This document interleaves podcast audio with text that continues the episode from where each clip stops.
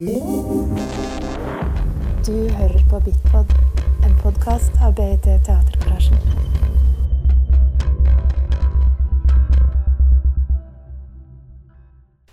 Hei. Eh, før jeg gir ordet til Ragnhild Leksen som skal lede denne debatten, så har jeg bare lyst til å eh, si litt om hva som skal skje etterpå. For det eh, innser vi at vi ikke har gitt så informasjon om. Nå blir det debatt, og så blir det en kort pause. Og så skal vi ha en avslutning. Eh, tidligere i dag har det vært en sånn arbeidsgruppe.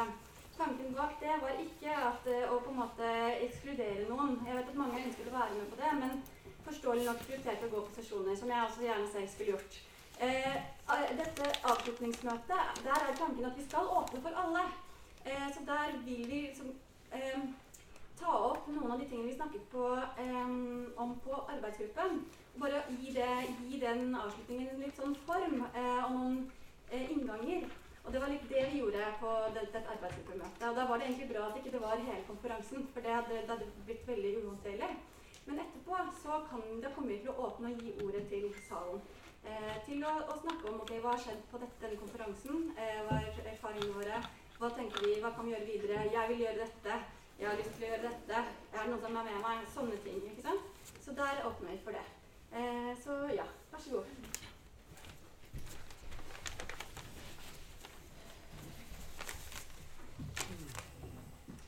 Da eh, starter vi med paneldebatten, som vil vare i ca. 1 12 time. Og så vil vi ha et akademisk kvarter før vi går over til det avsluttende som Ines snakka om. Og dere som må gå underveis, må gå underveis. Eh, og så nå skal jeg gjøre sånn. Og så eh, opplyse om det at oss i panelet kommer til å snakke uten mikrofon. Det er ganske mange ledige plasser her, så hvis dere sitter nugrø bakerst og syns det er vanskelig å høre med nå, så har dere 30 sekunder på å reise dere og finne en ny plass. Ikke sitt bakerst og klag over lyden, for det er masse ledig plass her framme. Yes. Så da prøver vi det. Men likevel, hvis det er vanskelig å høre folk, så rekk opp ei hånd. For oss har et par eh, håndholdte mikrofoner som kan legges inn til haka og snakkes med. Så i verste fall så kan vi sende rundt dem. Eh, og det gjelder også kanskje spesielt eh, når det er spørsmål fra salen, for de er ofte mye vanskeligere å høre enn oss som er framme her. Og da har vi en mikrofonpike eh, som eh, bærer rundt mikrofonen. Og husk det her med at eh, mikrofonen funker ikke veldig godt der. Legg den på haka, så vet du hvor du har den. Det var bare det praktiske, så har jeg unnagjort det. Du må jo leke litt lærer. Ehm, OK. Da er oss klare for paneldebatt. Eh, og temaet for uh, samtalen i dag er jo teatervitenskapelig utdanning i Norge. Da vi åpna denne konferansen, så snakka, eh, vi veldig mye om viktigheten av teatervitenskap i samfunnet. Uh, og hvor vår forskning bidrar til, og hvorfor du trenger teatervitenskapen. Og under konferansen så har vi jo de siste tre dagene hatt et overflødighets... Overflodshorn. i overflødig var ikke Nei, jeg skal si Krukke av, eh, av innlegg som virkelig viser da bredden av hva som rører seg i det akademiske feltet vårt. Eh, og forhåpentligvis sett viktigheten av det. Eh, og også delvis også klart over mot det kunstneriske. Det glemmer vi oss ikke. Men nå tenkte vi at vi skulle eh, vri posisjonen litt og gå og se litt mer på selve utdanningsinstitusjonen som vi sitter. Eh, og det her er en veldig veldig åpenbar anledning for det her. For hvor ofte har oss så mange fra så mange institusjoner samla? Ikke liksom bare i fagrådet, men eh, alle oss. Em, så her har vi virkelig en enorm bredde representert, og et, en god anledning til å ta tak i det her.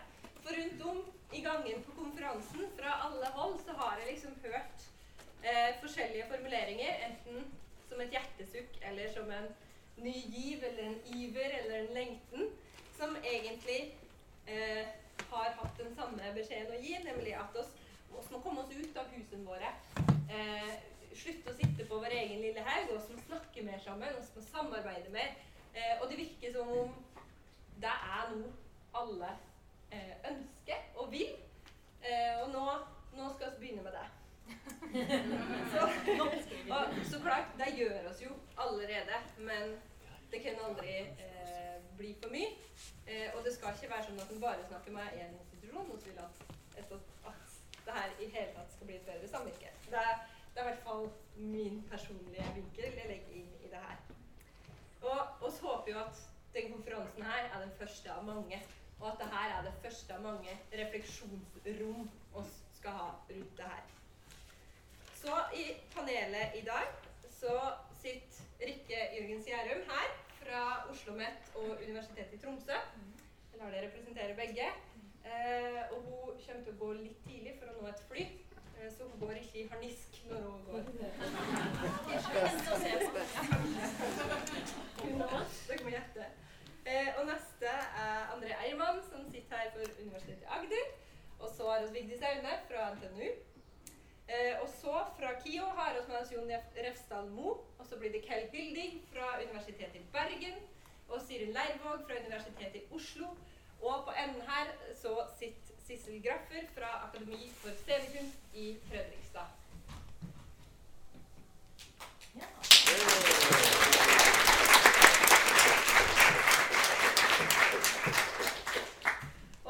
de har fått eh, vite på forhånd, de eh, har snakket, blitt bedt om å gjøre seg noen tanker om hva teatervitenskapelig utdanning oss har, og hvilken teatervitenskapelig utdanning oss trenger, og ikke minst hva trenger samfunnet, hva skal vi gjøre for å holde oss relevante.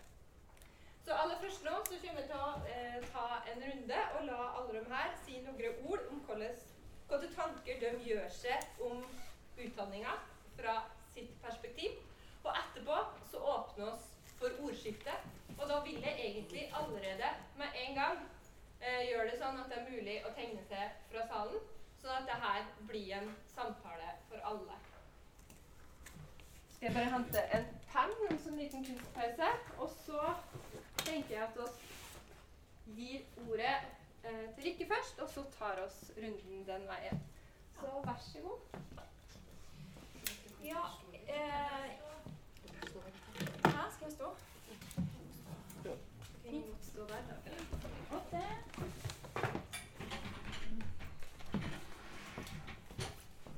Ja, jeg tenker det er viktig å si at jeg representerer da Oslo OsloMet og master i estetiske fag, som er en tverrestetisk master, og vi har en bachelor i, i drama og teater. Men jeg jobber også som forskningsleder ved Arktisk senter for velferd og funksjonshemmingsforskning som sikkert for mange av dere høres veldig fremmed ut, men som i stor grad også handler om kultur og kunst. Eh, jeg har gjort meg noen tanker i løpet av eh, konferansen som jeg tenkte jeg bare skulle summere opp nå kort. Eh, det har jo vært mange forskjellige spennende innspill. Jeg syns det har vært kjempebra at Ine og gjengen dro i gang en konferanse. Jeg har satt veldig pris på det, og jeg håper at vi klarer å fortsette dette med en årlig konferanse. Men først så tenker jeg det at teatervitenskapen er jo et veldig bredt anlagt fag. Og jeg tenker at det er samfunnsaktuelt som aldri før. Det er et humaniorafag. Eh, det er også et beredskapsfag, vil mange si, eh, i vårt velferdssamfunn. Det tenker jeg er en viktig premiss. Det ligger som en del av vår kulturelle grunnmur. Og det beskytter og det bidrar til å utvikle vår kultur. Vi, vi har vokst opp innenfor rammen av en trygg velferdsstat, og vi tar for gitt at samfunnet legger til rette for likeverd, for demokrati, for trygghet i arbeidsmarkedet, i helsesektoren, i utdanningssektoren, i kultursektoren. Men så er det jo sånn at mange av disse verdiene står under press. Og nettopp derfor har teatervitenskapen på nytt gjort seg aktuell og nødvendig. Jeg tenkte bare jeg skulle trekke fram fire gode eksempler på det. Eh, hvis vi da kan være enige om at eh, teater er ulike former for spill, der noe er på spill. Eh, noen er i spill, og spillet spiller spillerne med. Og at vitenskapen kanskje handler om å legge premisser for og å drive god kunnskapsproduksjon.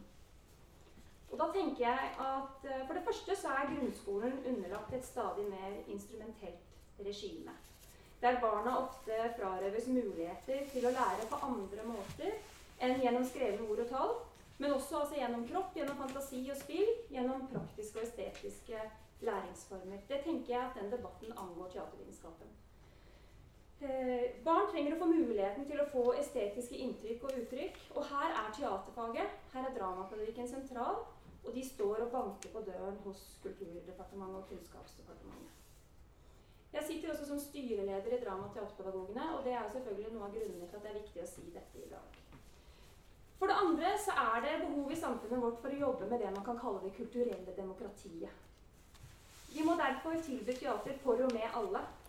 Det kan handle om å skape et inkluderende samfunn der kunsten kan bidra som premissleverandør og til å utvikle mennesker. Det handler også om å anvende teater for, med, om mennesker med funksjonsnedsettelser, eller om kunsterfaringer som alternative omsorgsregimer for mennesker med demens eller mennesker på flukt fra krig og konflikt. Dette angår også teatervitenskapen. For det tredje så trenger samfunn som er i lynrask endring, flere kreative strategier inn i bedrifter, inn i utdanning og innovasjon. Entreprenørskap etterlyses av politikerne fordi samfunnet trenger å bygge opp kompetanse i nyskapning og annerledestenkning som hever menneskets evne til den stadig gjentatte omstillingen vi opplever. Ikke bare i akademia, men i alle sektorer. For det fjerde fordi hverdagen er mer og mer estetisk, multimodialt og iscenesatt. Særlig unge lever til daglig gjennom egenskapte digitale fremstillinger av sitt seg, noe som krever mer og mer forståelse om iscenesettelse, om kostnaden av rollebytter og betydningen av perspektivskifter.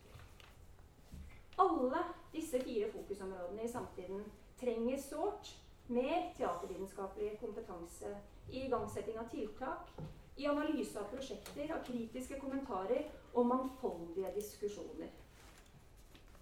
Derfor tenker jeg at dramapedagogikken og teatervitenskapen, det anvendte teater, betraktes som en del av det utvidede teatervitenskapsbegrepet. Som er et aktuelt og et samfunnsrelevant fag der både kunsten, pedagogikken og vitenskapen involveres.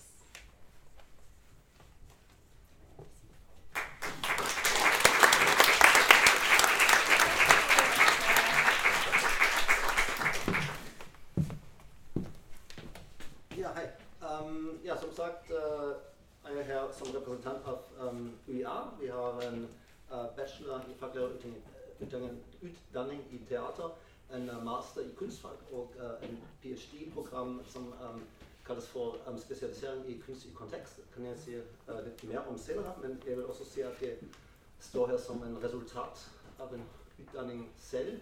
nærmere bestemt egentlig er en utdanning ved to uh, to institutter, nemlig uh, Institutt for teatervitenskap i Gießen i Tyskland og um, det, ja, her i Bergen teatervitenskap.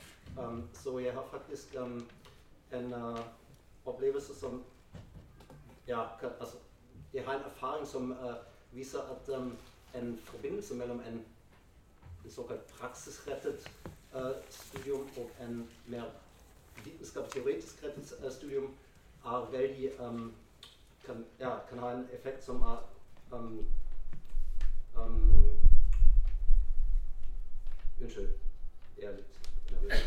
Um, hva jeg vil si um, for, for, det hva jeg gjør i dag, jeg arbeider både som teaterviter og som dramaturg, var um, begge var denne kombinasjonen uh, veldig viktig. Og en veldig viktig ting var også at det var ikke bare en kombinasjon av en praksisrettet og en teori, teorirettet studium, men at det var en kombinasjon av to um, studieprogrammer som både har en spesifisk relasjon, eller, eller som bare er preget av en spesifisk forhold mellom praksis og teori, mellom teori og praksis. Ja. Og denne uh, kombinasjonen var ekstremt uh, viktig. Og jeg syns det sier også noe om hvordan vi, skulle, eller hvordan vi burde tenke om um, det fagmiljøet her i Norge. Så jeg syns det er superviktig at vi um, er bevisst om at vi trenger en heterogent miljø, hvor vi um, um, på en måte også ikke tenker i denne dikotomien av her har vi praksisrettede uh, programmer, her har vi um, teorirettede utdanninger. Men vi har jo spesielt her i Bergen et eksempel for hvor praksis, uh, hvor, hvor uh, tett forholdet mellom teatervitenskapelig utdanning og praksisfeltet A. Ja, så kooperasjoner mellom teatervitenskap og uh, BIT f.eks., eller Frontlosjefestivalen uh, ja, som, som Ragnhild, uh, Ragnhild du uh, driver med, osv. Det er jo um, eksempler for at, den, at, det er ikke bare teoretisk hva skjer her ved teatervitenskap. Og um, jeg syns det må vi um, satse på. At vi har en felt hvor det fins flere forskjellige um, institutter som kan i en samspill virke. Ja, vi, vi, må, tror jeg, uh, avvise denne tanken at en institusjon kunne uh, ta ansvar for faget alene. Vi må um, styrke en, en, en, tanke om uh, en heterogent um, um sammenvirke. Um,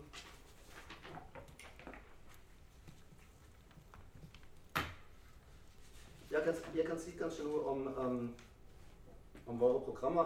Så spesielt um, om bachelorutdanningen. Så vi har akkurat nå en uh, uh, Vi skal få en ny bachelor nå. Og da er det, hva du har sagt, um, også veldig viktig for oss at vi vil um, forsøke å um, etablere en uh, bachelor i ja, Nei, skal, vi, hvorfor skal vi gjøre det? Ja? Vi, uh, det um, er bestemt nå at vi skal få en bachelor i samtidsteater. Ja, så vi har fokusert på den begrepet samtidsteater. Vi skal forandre uh, faglæreutdanningen i teater til en uh, bachelor i, uh, i samtidsteater. Og tanken er akkurat dette at vi vil styrke den altså ansvaret eller en, en, utdanning som viser um, som også skaper en ferdighet um, ja, for å reflektere på teaterens rolle i samfunnet. Um, vi var, hadde før en, en slags um, um, begrensning av våre samarbeidsmuligheter fordi vi måtte um, samarbeide først og fremst med skoler, som var veldig bra. og Da hadde vi også allerede noen uh, spillerom. Men nå får vi en, en slags um, en uh, større fleksibilitet, så vi kan nå samarbeide med kunstinstitusjoner, med uh, kulturinstitusjoner um, på en uh, um, måte som vi kunne ikke gjøre før. Og da håp, håper vi at det blir en, en kontekst hvor en utdanning er mulig um, som ja, faktisk um, gjør en, en Jeg beklager, mitt, mitt norsk er i dag uh, så det er på, på en måte uh, slutten av konferansen. og um,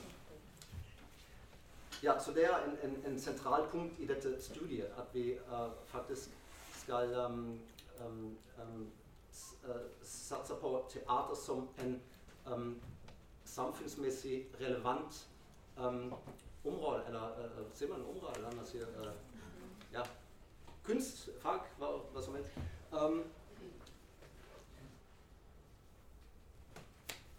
Det skal være en, en, en uh, studieprogram som har en slags tredelt fokus. Altså uh, kunst, vitenskap og det didaktiske.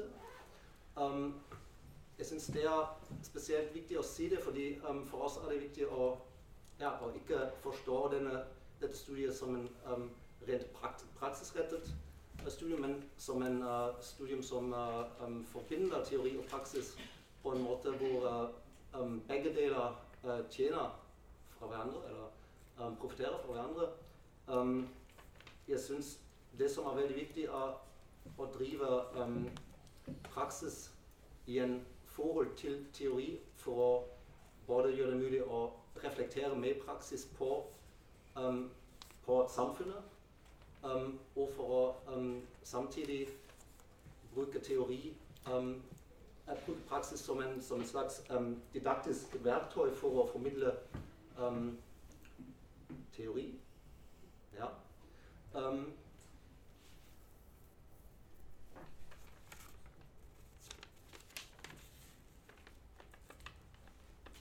og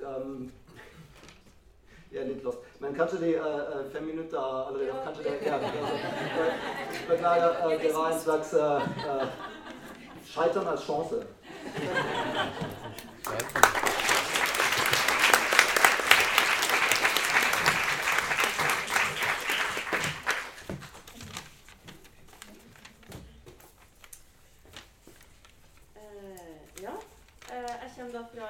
For kunst og medievitenskap ved NTNU i Trondheim. Og vi er da et flerfaglig institutt, så vi har ved siden av oss både praktisk og teoretisk film og filmproduksjon. Og så har vi kunsthistorie og medievitenskap. Eh, det her faginstituttet har jo vokst ut da, fra en tenkning på 1970-tallet eh, som er basert i, i, en sånn multimodal epistemologi om at eh, kunnskapsutvikling skjer både gjennom praktisk kjennskap til mediet, arbeid i mediet, lesing av teoretiske tekster og ikke minst stor grad av refleksjon og dokumentasjon. Så Det betyr bl.a. at vi jobber mye med dokumentasjonsformer. Både digitale og tradisjonelt mer tradisjonelt skriftlige dokumentasjonsformer. Eh, vi har altså en gjennomløpende praktisk-teoretisk profil eh, på bachelor og på master. Og nå, omsider, har vi fått vårt fakultet på glid til at vi også kan få utvikla en eh, ph.d. med produktandel. Og da syns vi at vi har kommet godt i mål. Um, jeg tenker at I forhold til vår utdanning så har vi noen utfordringer. Vi har en utfordring med å ferdigstille en bachelor som en selvstendig studieretning. Eh, vår, altså Stordelen av NTNU har jo femårige utdanninger. Sant? Det er ingeniørutdanning, det er arkitektutdanning, det er psykologiutdanning, det er medisinerutdanning. Men vi har fremdeles da det tradisjonelle 3 pluss 2-løpet. Og vi har studenter som ønsker å slutte etter tre år. Og da, det, det, har vi tatt tak i nå, syns jeg, for å se kan vi klare å enda videreutvikle den praktisk-teoretiske bacheloren, sånn at også bacheloroppgaven har en praktisk del. Eh, det har vi gjort. Kom i gang med det. Vi har gjort det i to år nå. Eh, og i nært samarbeid med profesjonelle aktører innenfor kunst- og kulturfeltet i Midt-Norge. Det er et veldig interessant og fruktbart steg å gå, fordi det gjør at de kan klare å finne veier inn i yrkeslivet med bare en bachelor. Det het ikke det for noen få år siden, men nå heter det bare en bachelor. Dessverre. Eh, når det gjelder masteren vår, så syns jeg den løper godt av sted. Og vi har jo hatt noen her i dag i konferansen også, som har presentert sine arbeid. Eh, så der, der, har vi valgt og fått lov til å opprettholde både den teoretiske bachelor- og masteroppgave, men også da en masteroppgave som kombinerer et halvt års praktisk arbeid med et halvt års teoretisk refleksjon over praksis. Jeg tenker at Det som, det som kjennetegner oss, bortsett fra det, denne gjennomløpende profilen, det er at vi jobber ganske aktivt nå for å få flere av masterprosjektene flytta til forskerne sine prosjekter. Det er noe vi har lært av, av altså det gamle ingeniørstudiet øh, og arkitektstudiet. Øh, fordi at disse to masterårene går så uhyggelig fort. Og mange kommer til oss fra høyskoler fra utlandet, fra andre skandinaviske land. Og så har de to år å gjøre det på, og så vet de egentlig ikke hva de skal sette i gang med. Så det, nå har vi fått etablert da DUS, et, som regionalt, et regionalt samarbeidspartner med DUS, eh, med min kollega Barbro Rønnei som sjef. Eh, hvor vi nå satser på at dette skal bli et åsted for gode, interessante masterarbeid. Både teoretiske og praktisk-teoretiske. Da med særlig retning inn mot ungdomsteatret. Det andre er utadretta. Det er en videreføring av det store nasjonale drama-, teater- og demokratiprosjektet som løp fra 2013 til 2017. Der har vi nå fått et stort fireårig internasjonalt samarbeid med et universitet i Johannesburg i Sør-Afrika, som da inkluderer både utveksling av masterstudenter, utveksling av forskere og utveksling av ph.d.-studenter. Så på en måte så har vi nå landa på et ganske sånn norsk prosjekt med en sånn norsk eh, relasjonsbygging og et internasjonalt prosjekt som da viderefører spørsmålet om drama, teater og demokrati, med særlig vekta på det vi kaller for postdramatiske tendenser. Det var litt om oss. Og så skal jeg si litt om konferansen. Jeg syns dette har vært helt fabelaktig. Virkelig. Jeg syns redaksjonen har gjort et så godt arbeid med å prøve å sette sammen sesjoner med bidrag fra ulike hold. Det er et veldig godt grep. Jeg håper at alle har benytta muligheten til å være til stede på hele sesjonen. At man ikke har sprunget rundt og valgt dem man kjenner fra før. Sant? Det er viktig å lytte til bredde. Sånn, så ros til redaksjonen. Virkelig. Jeg var i dag så heldig å få lov til å lede denne sesjonen om, eh, om teater i det virkelige liv. Fantastisk. Tusen takk. Så skal jeg ta på meg en hatt som jeg også har. Det er for at jeg leder Nasjonalt fagråd for drama og teater i Norge. Og det er jo et organ som har et slags overordna ansvar for å samordne undervisning og forskning i Norge innenfor fagfeltet. Eh, og det er et litt sånn, litt sånn eh, sovende organ, men vi har to årlige møter som, som er ganske dynamisk, vil jeg si. Alle utdanningsinstitusjoner som har minimum 60 studiepoeng, har lov til å ha en fast representant der. Og Det betyr at vi er en ganske stor gruppe. Eh, I tillegg så har vi da i 2017 arbeidet ganske aktivt for å få inn observatører fra kunst- og kulturområdet. Vi har lyktes med å ha første møte nå med representant fra, fra drama- og teaterpedagogene. Og en felles representant for scenekunstbruket og Teater- og dansesentrum. Vi har ut mange invitasjoner. Vi tar inn flere forslag. Og, vi, og jeg må bare si det første vårmøtet med to representanter var særdeles fruktbart. Hva trenger markedet? Markedet? Altså jeg kommer til NTNU, og Da blir det sånn marked og industri og sånne ord som teller. Hva trenger arbeidsmarkedet, praksisfeltet, fra forskerne og underviserne? Og hva trenger vi fra dem? Så det der tror jeg kan bli spennende. Det, jeg tenker at det vi også diskuterer her, er jo hva, hvilke veier skal vi gå. Og når det gjelder undervisning, så syns jeg det er viktig at særlig de store byene ikke blir provinsielle. Det er viktig. Ikke blir. Provinsiell.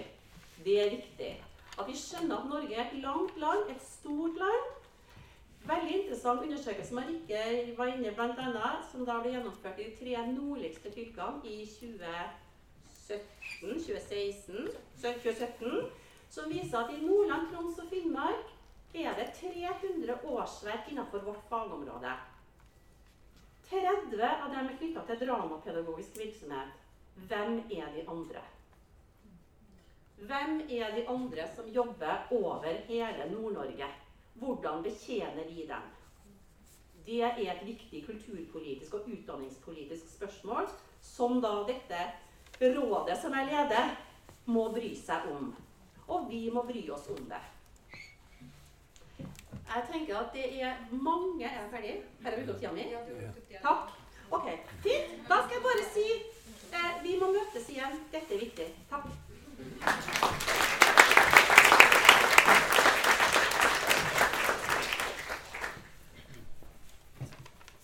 Det er så rart, for man ser ikke panelet når man sitter foran her. Så det er sånn. Men det var her du sto, ikke sant? Ja. Jon heter jeg. Jeg er eh, dekan på Teaterhøgskolen. Hva skal jeg sette. Uh, i, uh, på KIO i Oslo. Uh, før det så var jeg teatersjef på Black Box Teater i syv år. Og så før det igjen så var jeg stipendiat og universitetslektor på Universitetet i Oslo teatervitenskap, som da ikke fins lenger. Um, jeg skal ikke snakke så mye egentlig spesifikt om den utdannelsen som jeg leder. Eh, Jeg skal snakke litt om liksom, faget generelt, fordi det er noe som opptar meg ganske mye. om. Så jeg skal bare begynne å lese manifestet mitt, eller hva det nå er. Eh, I, I opptakten til dette her og litt sånn diskusjon rundt så har vært litt sånn snakket litt om eh, usynligheten av teatervitenskap. Og begrepet usynlighetshatt har bl.a. vært oppe. Og jeg kan ikke se at teatervitenskap faktisk er usynlig. Eh, teatervitenskap er lite på, i akademisk nivå. Eh, og problemet med det, det påpekte jo Svein Glatse i, i eh, åpningssesjonen her, at det, grunnen til det er at det er lite og ikke når opp i de strukturelle maktkampene som fins. Og den prekære situasjonen som teatervitenskap eh, ble satt i, har blitt satt i de siste årene, ikke minst pga. nedleggelsen på, i Oslo, det er ikke en del av en sånn type mangel på interesse og legitimitet og generell samfunnsutvikling. Det er intern maktkamp på et veldig spesifikt institutt på et veldig spesifikt sted, ledet av én person. Det er to mennesker vi har å takke for den desimeringen. Sikkert noen flere også, men det er to som er ansvarlig for det. Trine Syversen, som har dekan på HF, og Arne Bugh Amundsen, som nå er dekan på HF. Tidligere instituttleder. Hva sier du? Gjenta det, sier han. Ok. Trine Syversen, Arne Amundsen. Den skal vi skylde på. Men også. Og de vil også stenge Ibsensenteret. Det var jo ålreit. Det var nytt for meg. Uh, Eh, men det som er veldig fint, da, som selvfølgelig som alle her påpeker med den konferansen dette her, Jeg har vært på konferanse på tolv år, tror jeg, så det var kjempefint bare å komme på konferanse. Det er også det å vise at det står ikke så dårlig til. Uh, uh, vi har teatervitere representert i mange steder. I veldig mange NTO-organiserte teatre i, i Norge. Både på ledelsesnivå og på dramaturgnivå og produsentnivå, ikke minst. Vi er representert i forvaltningen gjennom Norsk kulturråd bl.a.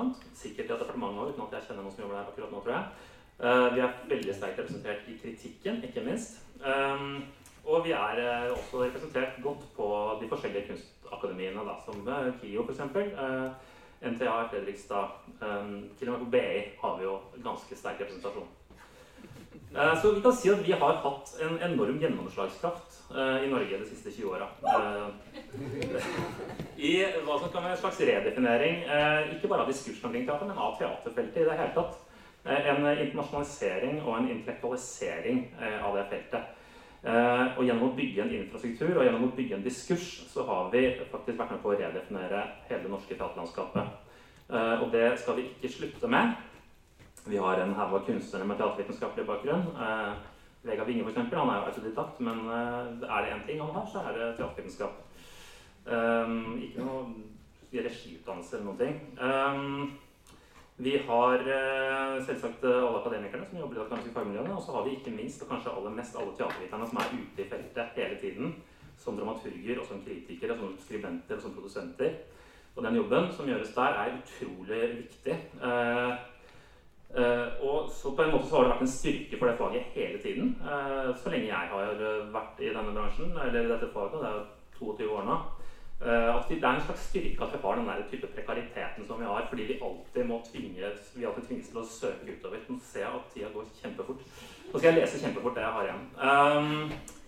Det, men det vi har sett de siste 20 årene, det er at vi har en opplevelsesøkonomi som er blitt stadig mer altomfattende. Eh, og pga. det så har også ideen om en kritisk offentlighet som holder resten av verden i ørene, blitt eh, mer eller mindre desimert. Eh, det vil si at kritikken også har tapt en masse status. Hele ideen om eh, en, en kritisk diskurs i det hele tatt er i ferd med å bli, bli litt borte. Og det har ført til en krise i kunstvitenskapene. Det, det kan vi si. Og det har også skjedd en vending mot kunsten. Og vi kan si at den vendingen mot kunsten er også en intensivering av det eh, De Boer, eh, Guy kaller skuespillsamfunnet. Eh, det, det det skjer, er at Kunsthøgskolen er i ferd med å overta, og til en viss grad også overtar eh, alle de gamle kunstvitenskapelige privilegiene. Og alle pengene. Og alle statusen. Og det er kjempeproblematisk, og jeg er en del av det. Men Det er, det er veldig problematisk, det er jeg helt enig i. Um, det er eh, fordi det er liksom sånn som det er nå. Altså, jeg så The Matrix på 90-tallet. Så var det sånn alt er The Matrix, men vi må ut av The Matrix, for det er der det er fett. Og sånn. Og så skjønner man at det er jo ikke utenfor The Matrix det er fett. Det er faktisk inni The Matrix det er fett å leve. ikke sant? Og det er, det er det The Matrix ville ikke blitt laget i dag på samme måten, tror jeg. Fordi det er det der å komme utafor. Det er liksom ikke så viktig lenger.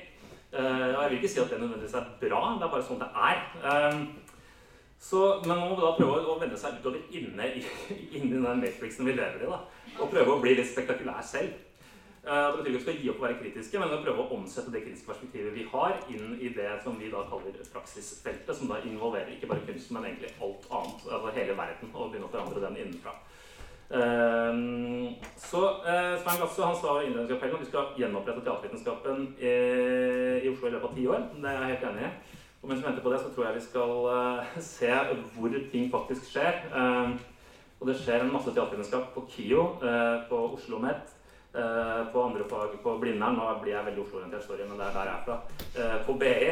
Det kan skje liksom på Nationaltheatret, det kan skje på Blackbox, det kan skje på BT Teatergarasjen, det skjer på Avantgarden. Og det har skjedd, og det er liksom noe vi kan ete oss liksom inn i, i veldig mange sammenhenger, nettopp fordi vi er et veldig fleksibelt fag. Vi har ikke definert forskningsobjekt, og vi har en fagdiskurs som er veldig sprikende, og det tror jeg er veldig bra. Så én ting som jeg bare skal si, selv om jeg nå er på overtid, det er at vi kan også begynne å tenke en litt sånn fleksibilitet i forhold til hva en teaterviter er. Nå sitter jeg og ser utover. De fleste her som jeg kjenner, er teatervitere. Men det er noen som faktisk ikke har noen formell teatervitenskapelig kompetanse, men som er noen ekstremt viktige premissleverandører i teater uh, i Norge. Så jeg vil kanskje kan begynne til å utvide liksom, begrepet teaterviter til også å være folk som faktisk er interessert i å opprettholde en kritisk uh, intellektuell diskurs omkring teater i Norge. Det var det.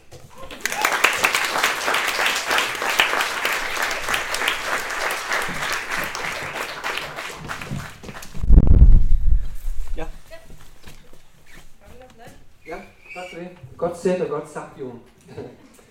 Øhm, det har gjennom en årrekke vært en samforståelse mellom fagmiljøene ved de tre gamle universiteter, NTNU, øh, UiB og UiO, hvor det fantes terrorvitenskap, øh, øh, at, at vi hadde et faglig fellesskap basert på tre ulike faglige profiler som supplerer hverandre og legger grunnen for at alle tre fagmiljøers eksistensberettigelse.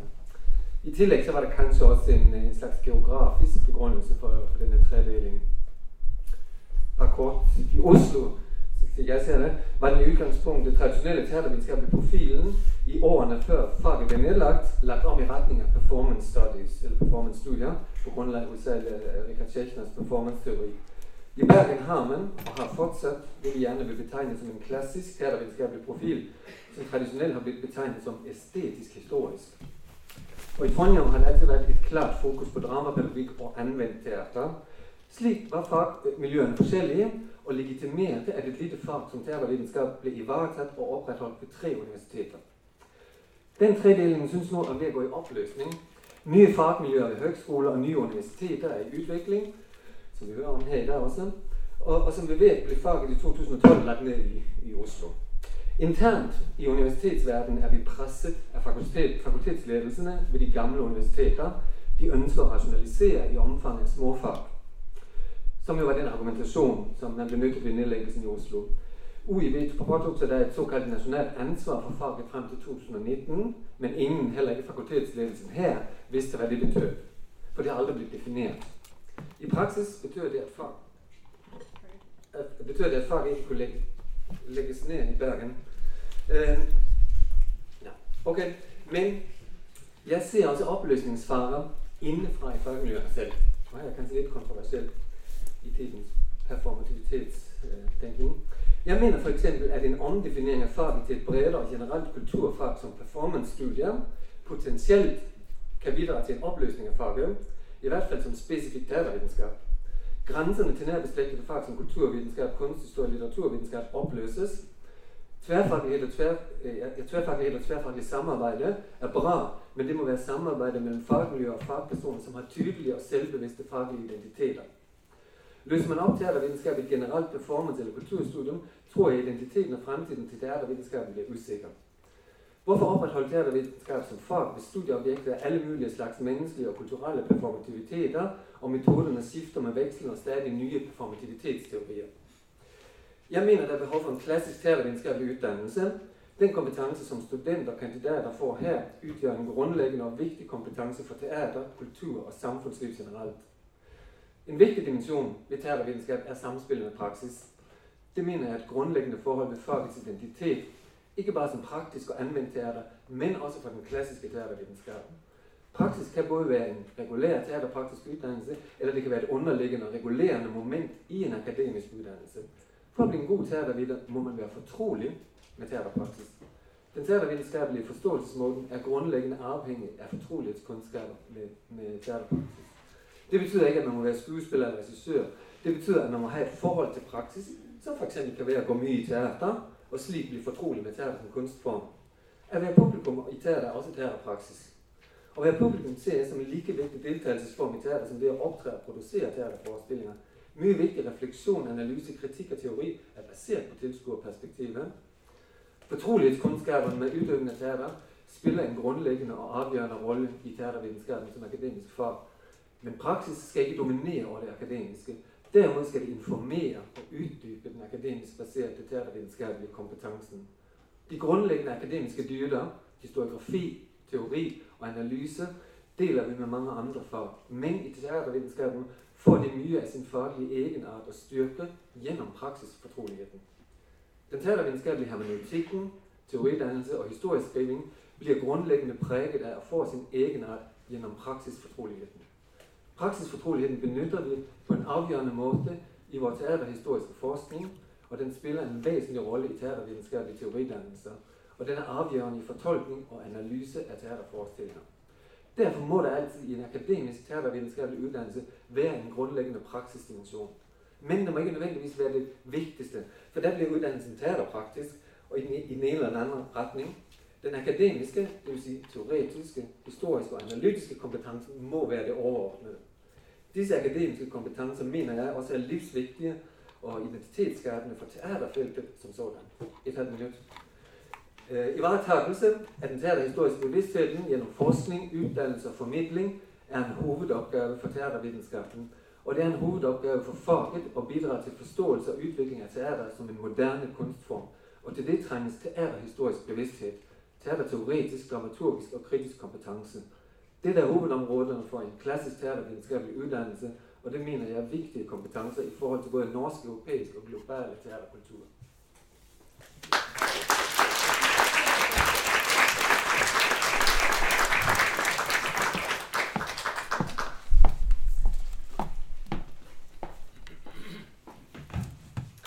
Ja.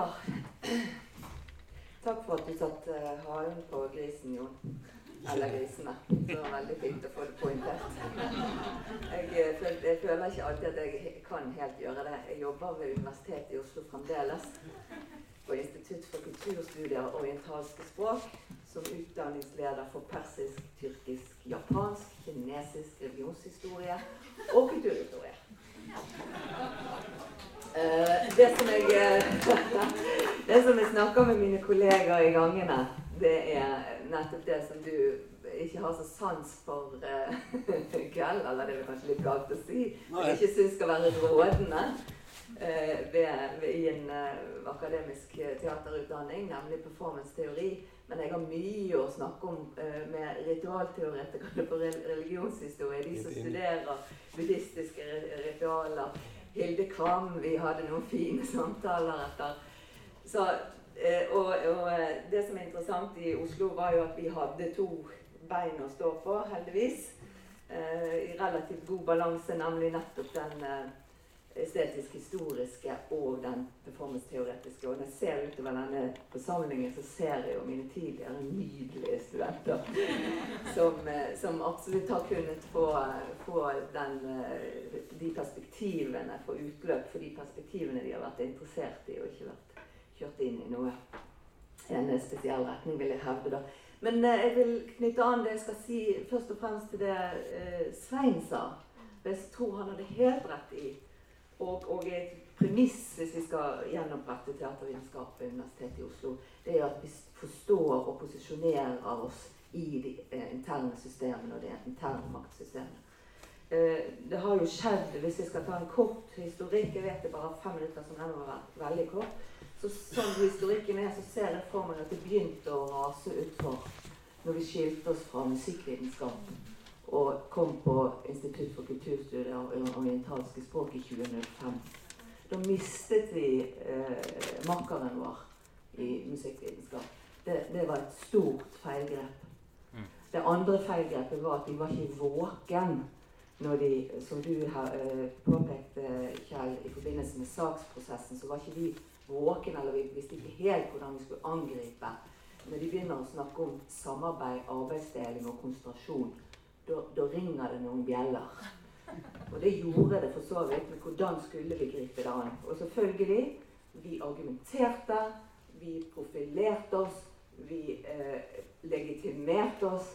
Og vi minte om når de hadde allmøte om samfunnsrelevans, så glemte de teatervitenskap. Og vi måtte minne Vi, vi er et fag, i òg. Så det er, en, er, en, del sånne ting som Og det er interessant, det har nettopp vært en humanioramelding. Og det er et poeng som jeg vil gjøre. Vi må posisjonere oss innenfor humaniora. Ved Universitetet i Oslo kan man tenke seg et humanistisk fakultet uten teatervitenskap. Det kan man heldigvis ikke i Bergen. Og der, der er det en stor forskjell.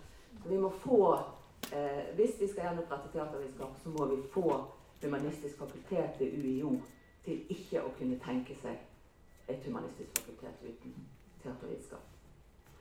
Uh, og i humaniorameldingen er det heller ingenting fra 2016 er det heller ingenting sagt om det tapet som uh, nedleggelsen av teatervitenskap uh, representerer. Det er sagt noen små utsatte fag. Men i mitt perspektiv, med mitt institutt, og i forhold til Sør-Asia-studier og hebraisk, så er ikke vi et lite utsatt fag. For å si det sånn. Vi er ikke et lite. Og du, pekte også på det, Jon. Vi er plassert, plassert strategisk i, i kulturfeltet. Eh, mange. Vi har aldri hatt problemer med å si at eh, på svare på spørsmålene vi får eh, spørsmål om hva, hva, gjør studentene? Får de jobb? vi ja. De blir både teatersjefer og journalister og alt som er. Så vi, veldig, vi har vært veldig stolt i, i Oslo. Og eh, ja, jeg skal slutte. Eh, samarbeidet med praksisfeltet får vi ta som en debatt.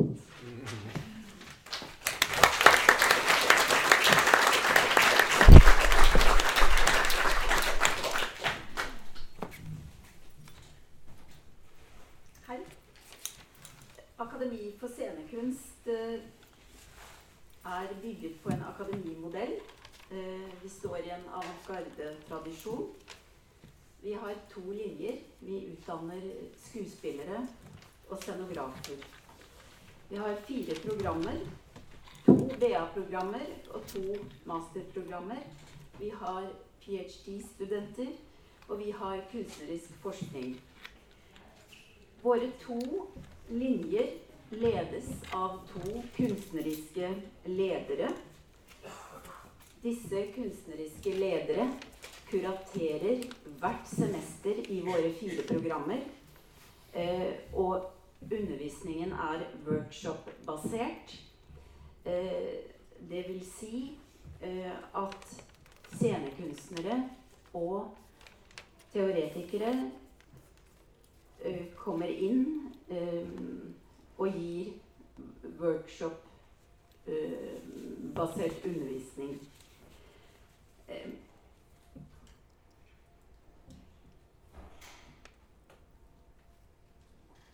Jeg selv eh, underviser eh, i teori, og mm, det jeg vil si om NTA-modellen, det er derfor jeg redegjør for den, det er at det er en eh, veldig fleksibel modell som eh, ligger svært tett på den eh, internasjonale utviklingen innen scenekunst. Og det er også en annen ting som jeg vil trekke frem, som jeg syns er viktig med den modellen, som jeg har sett i de årene jeg har jobbet mm, ved akademiet. Og det er at det er en modell som gir rom for eh, oss som underviser der, eh, til å over tid utvikle veldig eh, distinkte personlige posisjoner. Eh, eh, hvor praksi, pra, praksisarbeid eh, og teoriarbeid er fullstendig integrert. Em, jeg skal være veldig eh, kort, eh, og jeg vil avslutte med å si at i den type utdannelser som Akademi for scenekunst er, så eh, så er vi helt avhengige av å ha kompetente teorilærere. Akademiet kan ikke altså, Og jeg tror heller ikke på en type modell hvor kunstutdannelser selv skal produsere eh, gode teorilærere.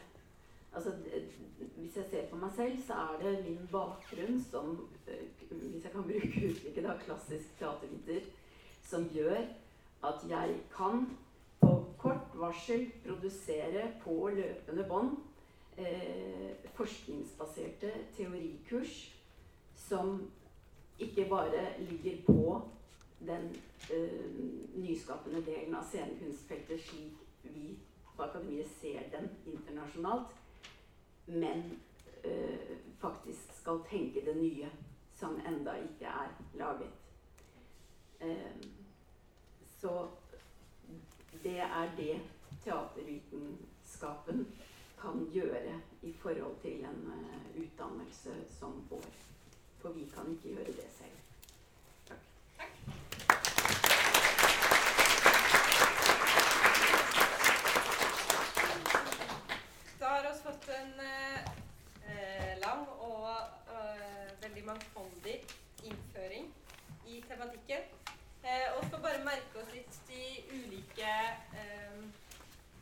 begynne nå så har jeg gått igjennom. Jeg har lyst til å åpne eh, for debatten med en gang. Aller først så vil jeg la dem i panelet få en sjanse eh, til å komme med noen umiddelbare ka- eh, kommentarer. Hvis ikke så har oss faktisk allerede noen som har tegna seg med et innlegg fra salen. To stykk. Eh, så jeg tenker at eh, de får eh, slippe til først, og så stille oss eh, spørsmål etter hvert. Så hvis Ingrid kan slå på mikrofonen og gi den til Tor Nordli, som godt kunne reise seg eh, og snakke, så tar oss ditt innlegg først.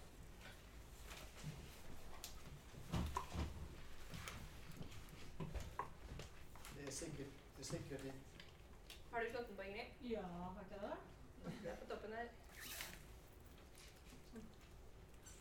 Det er sikkert ingen som eh, blir forbauset når jeg sier at jeg er helt enig med Kent. Tenkte oss litt på deg når jeg snakket, to. Jeg, jeg, hørte, jeg hørte nå ordene mine. Eh, jeg har bare et, et par, par, par punkter som jeg har lyst til å, å, å, å, å nevne. og Det går på noe av dannelsen av, av teatervitenskap i Bergen, og noe av historien. Og Noe av det som var kanskje det viktigste, det var en at det, at det skulle være akademisk. At det skulle være også eh, historisk. Det skulle også være samfunnsorientert og systematisk. Og det å ta ut teatrets elementer og studere de systematisk, er vel noe av det som er mest kjent for nå.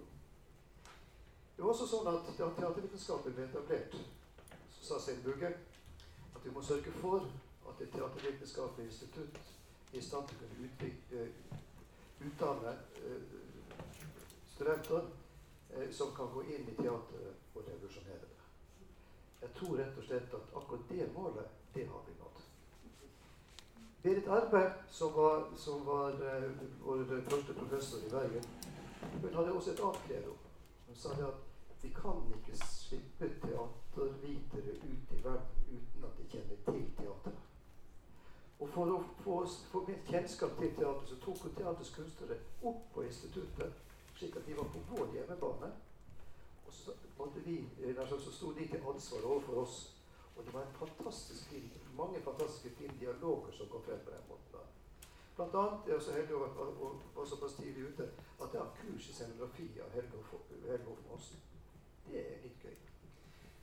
Men alle disse teatersjefene, regissørene, gjorde at vi fikk et nært forhold til teatret. Noen fikk så, så, så, så stor tiltro til oss at de sa 'kom ned og se en, teaterfor, en, en, prøveforestilling'. Og så møttes vi etterpå og snakket om det. Ikke med skuespillerne, for de måtte holde litt unna, for vi kunne si ting som kunne såre dem. Vi kunne såre, ja. Men regissøren i alle fall kom opp og snakket. Scenografen kom opp og snakket. Og på den måten så fikk vi altså en innsikt i hvordan de tenkte i teatret. Og det har vært teaterstykket. Rodrik Rødler skrev en gang i 1950, 1957, husker jeg ikke, at et teatervitenskapelig institutt må ha som oppgave å skrive Norges teaterhistorie.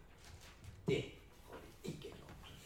Det er det neste prosjektet som dere andre kan begynne med. fordi at, eh, som dere vet, jeg er stridens opphav. Takk for at du kom for å redde stillingen min.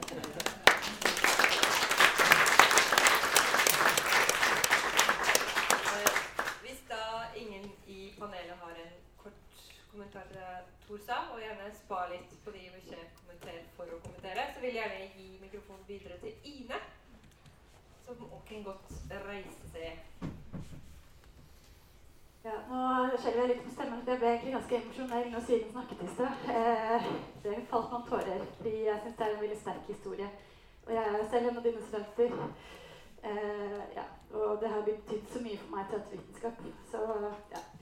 Eh, men jeg vil bare si, og det er etter alle disse samtalene som jeg har hatt her, og ting jeg, jeg har plukket opp i gangene, eh, og det er at det går an å rendyrke, det er ideen bak hele denne konferansen og teatervitenskapelig dugnad. Det går an å rendyrke det klassiske på den ene siden, og det anvendte, eller dramapedagogiske, og den kritisk orienterte teaterpraksisen, kunstutdanningen, samtidig. Eh, og ha samtidig eh, interesse og respekt for hverandre, og være orientert mot eh, mulige samarbeid som de kan berike hverandre og styrke hverandre. Og det trenger vi veldig. Vi er et lite land og et lite miljø, og vi har veldig mange felles eh, teoretiske perspektiver som vi arbeider med. Eh, performancer ble nevnt. Eh, men også selvfølgelig teaterhistorie, som er et fundament i all, alle disse tre-fire tre-fire eh, praksisene som eh, jeg nevnte.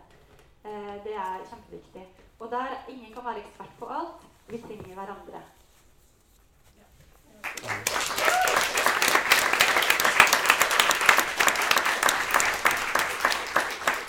Da gir jeg ordet til Vigdis igjen, og så eh, tenkte jeg skulle skyte inn et spørsmål etterpå. Og så får dere bare tegne dere fortløpende når jeg ser i deres retning. Ja, Jeg tar den. Bare legge den inntil. OK. Andre må legge den helt på. Oh, der. Ja, OK. Legger opp. Her. Herlighet. Uh, det Nei, altså det er Så jeg tar den nasjonale nasjonal fagrådshatten på meg. Så For der gjør vi noen ganger gjennomganger av programmene som vi har. Og det er ikke stor forskjell på programmene og programtitlene og programinnholdet på masterutdanninga f.eks. på Universitetet i Bergen og på NTNU. Sånn at det tematiske innholdet er langt på vei veldig overlappende. Det som er forskjellen, det er jo forståelsen av læringsveien i faget. Det er det som er forskjellen. Altså det er det som er valget. Og jeg syns jo det blir fryktelig fattigslig her i landet hvis vi ikke skal tillate oss alternative læringsveier. Det vil jeg si, det vil et stort tap for lands, landets kunnskapsproduksjon innenfor det teatervitenskapelige feltet. Um, så det, det her med å, øh, å si at F.eks. å si at praksis overskygger teori, det er helt ugjenkjennelig for min del. Sånn som jeg underviser, og sånn som vi gjør det hos oss og i våre program. Det er, he, det er helt totalt ugjenkjennelig. Altså, det er uforståelig at man i hele tatt kan se det på den måten. Men det betyr ikke at vi ikke skal ha en kritisk holdning. Blant annet fordi at studentenes hovedmotivasjon ofte er det praktiske. ikke Sånn at De må ofte sluses inn og vekkes interesse for de kritiske og teoretiske perspektivene. Men jeg tror nok at vi trenger et mangfoldig kunnskapssamfunn. Det vil jeg nok stå på.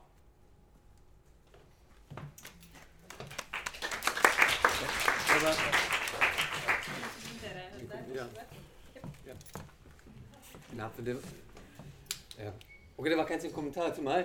Jeg sier jo, jeg har ingenting imot at, at praksis overskygger teori, for å bruke det uttrykket. Øh, men, men hos oss i den, akademiske sammenheng så er det veldig viktig at, praksis, at vi, vi, den akademiske kompetansen Vi, vi, for eksempel, vi har jo vi har et nært samspill med studenter i Maturus, som ville fungere som en helt fri kunstnerisk institusjon. Hvor studentene våre kan leke seg som produsenter, dramaturger, regissører og hele pakken. Det er et perfekt lite institusjonsteater. Det er en vidunderlig eh, sandkasser her. Vi blander oss ikke i den. Men vi ser jo at, at våre studenter blir engasjert i praksis. ikke sant? Så de får knapt ikke tid. De orker nei, hva skal all det her teori? Det er det praktiske det er som viktig. ikke sant? Så det blir lynhurtig en dragkamp mellom det, det teoretiske og det praktiske for meg. Jeg vet godt at det finnes andre læringsveier eh, gjennom eh, anvendt praksis. ikke sant? Det er selvfølgelig. Men den akademiske veien er nå en gang også en virkelighet. Ja, prøv en gang til. Um, så du hadde sagt at uh, ofte er studenter uh, flest interessert i det praktiske. Det kjenner jeg òg fra uh, våre studieprogram. Men jeg har også opplevd at de setter veldig stor pris på, på hvis, de, um, hvis de gjør erfaringen hva teori kan faktisk gjøre. Fordi, og det er også min egen erfaring. Ja, fordi man kommer kanskje i et studium, man har interesse for praksis, man vil gjerne gjenta det hva man, ha, hva man sa. Ja, så, og så skjønner man plutselig når man um, beskjeftiger seg med teori, hva slags stereotyper det er. Ja? Hva slags uh, Ops, ja. Hui. Um, og så begynner man, begynner man, å reflektere og begynner å oppdage uh, ting som man ikke visste før. Det er, er jo uh, ja, um, um, en, en, en, utvikling av kunnskap og en utvikling av, av også en, en, kompetanse å reflektere. Og det er faktisk en erfaring jeg har i um, de, de prosjekter jeg hadde nå anledning til å undervise i, uh, ved Universitetet i Agder, at de studentene som kommer med en, med en kanskje først og fremst praktisk interesse, at de og da må jeg også si kompliment til studentene, de er åpne for en teoretisk uh, refleksjon, åpne for teorier, er interessert, interessert i teorier som de ikke kjente før. Altså, de, er, de har også disse aha-effektene. Og da tjener uh, både praksisen og teori tjener av hverandre i disse sammenhenger. Ja. Så da uh, tror jeg det er, det er en, en, veldig viktig poeng at man faktisk ikke forstår praksis og teori eksklusivt. Ja. Um. Det er også en kommentar fra Jon. Ja. Knut Ove, du har kommentar du òg. Eh, og så Sissel har Ja, en det kommentar. kommentar, ja. egentlig. Er- ja, du trenger- klarer det kanskje uten? Jeg håper det. Um, jeg skal bare si um, eh, litt i forlengelse av det uh, Kjell sa. Jeg kan forstå det godt. Jeg kom inn i teatervitenskapen på et tidspunkt da man skulle kvitte seg med alle de som gikk der mens de venta på å komme inn på Teaterhøgskolen. Eh, og da gjorde, lagde man et fag som var totalt uten praksis. Altså et fullstendig Altså Det var ikke referanse til praksis engang, omtrent. Det var liksom, Alt var dritt, bortsett fra bakgruppen. Det var bra. Det var liksom eh, Og verdensteatret var ok. Men ellers var alt dritt. Eh, men uh, hvor, hvor, hvor Ja, altså via diverse omveier så har man jo havnet i praksisfeltet. Men det jeg skulle si, er at våre studenter Så jeg, jeg har forståelse for det. Jeg har forståelse for det du sier på et eller annet vis. At, uh, at man må passe på at man ikke havner der. Men også litt i, i forlengelse av det André sa. Altså det våre studenter etterlyser, og det gjelder ikke liksom de masterstudentene nødvendigvis som er utdanna fra NTA og har allerede jobbet masse i samtidsdatafeltet, men det er bachelor grunn, første studenter på Det de etterlyser, er kritisk tenkning. De vil ha mer tid til kritisk tenkning i sine studier.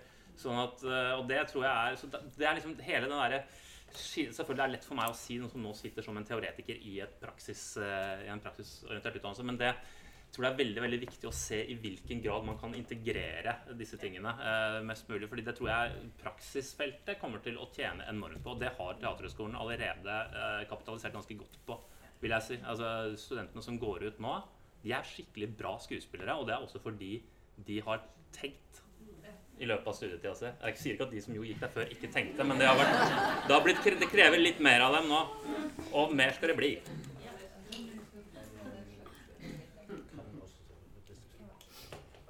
Da tar oss eh, Knut Ove og prøv å holde eh, Når det er en replikk, så prøv å holde dem litt korte.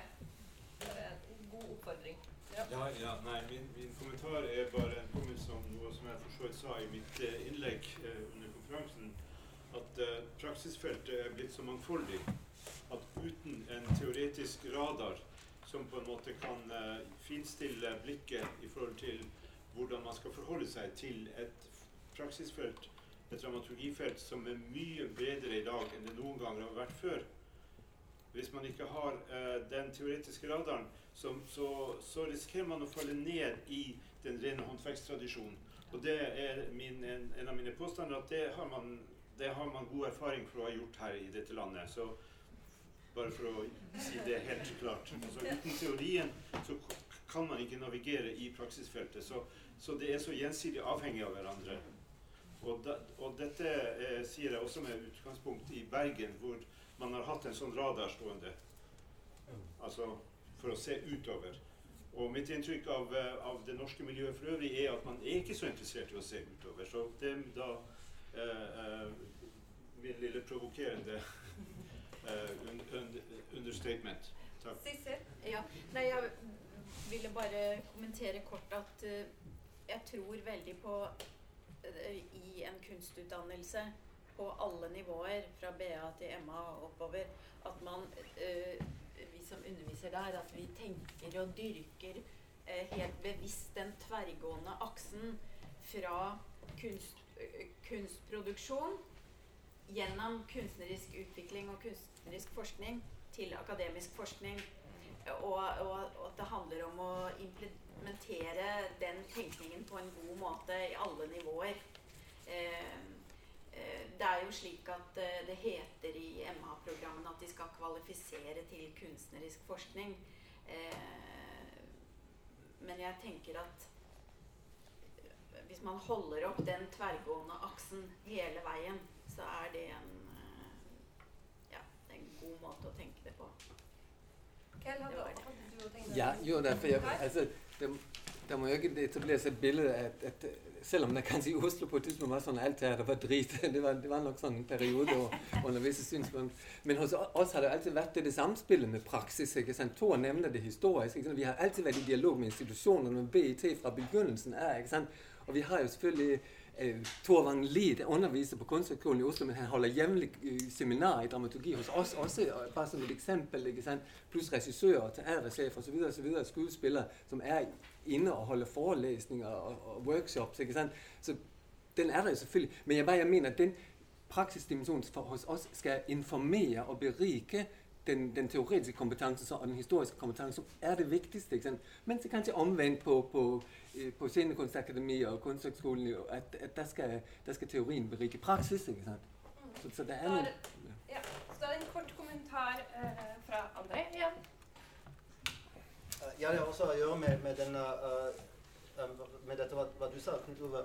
At uh, for å ikke um, bli uh, i, denne håndverksmessige praksisbobla um, jeg synes For oss er det grunn å, å, snakke om teater i kontekst og om kunst i kontekst.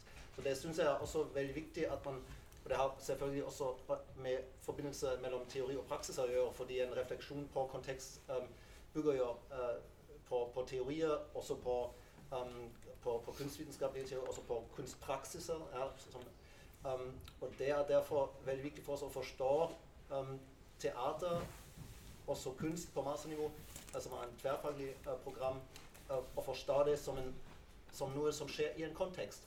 Um, og hvor um, man, er, man, skaper noe ikke uh, uavhengig av, av rammer, ikke uavhengig av samfunnet men i en dialog og i en, i en refleksiv forhold. Og jeg syns da vil jeg gjerne si at så, så vi har det både på bachelornivå, vi har et emne som heter teater i kontekst, vi master i kunstfag uh, um, som, som, også uh, befatter seg med det. Uh, vi har um, den um, kunst i kontekst-plattform, hvor vi også vil hjertelig invitere forresten til en emne. Vi har nå en ny emne i en teaterfaglig emne på ph.d.-nivå som er åpen for andre ph.d.-studenter, som gir fem studiepoeng. Um, da kan vi gjerne, hvis det finnes interessenter, snakke mer om senere. Men en siste punkt er at jeg syns å tenke våre utdannelser i kontekst er superviktig også på en institusjonell um, dimensjon. Og vi må styrke utveksling mellom oss, også på studentnivå, tror jeg.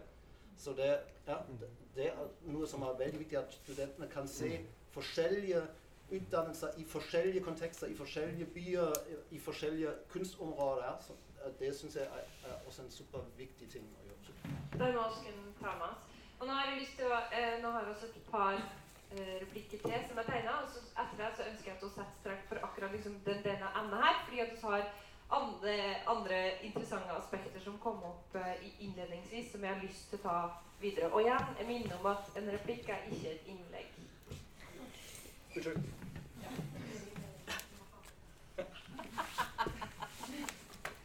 Uh, jeg har lyst til å uh, komme med noen kommentarer angående dette med at vi er friseniske kunstnere og har et frisenisk felt i Norge. Hva? oh, ja.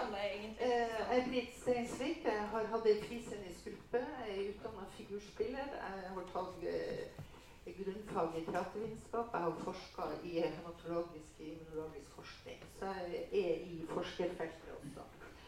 Eh, men det jeg vil si med dette, det jeg hører nå, det er egentlig det at dere snakker ut fra utøvende kunstnere. Vi utdanner utøvende kunstnere. Men faktisk så er vi en generasjon som har jobba som skaperkunstnere. Og derfor så tror jeg på en måte at vi har hatt veldig behov for å ha et større eh, felt hvor vi kunne diskutere dette mer teoretisk. Når vi sier at vi kanskje ikke har klart å få den nyere historien opp å stå, så tror jeg det skyldes denne forståelsen at vi frisendiske kunstnere kanskje har mer å gå på.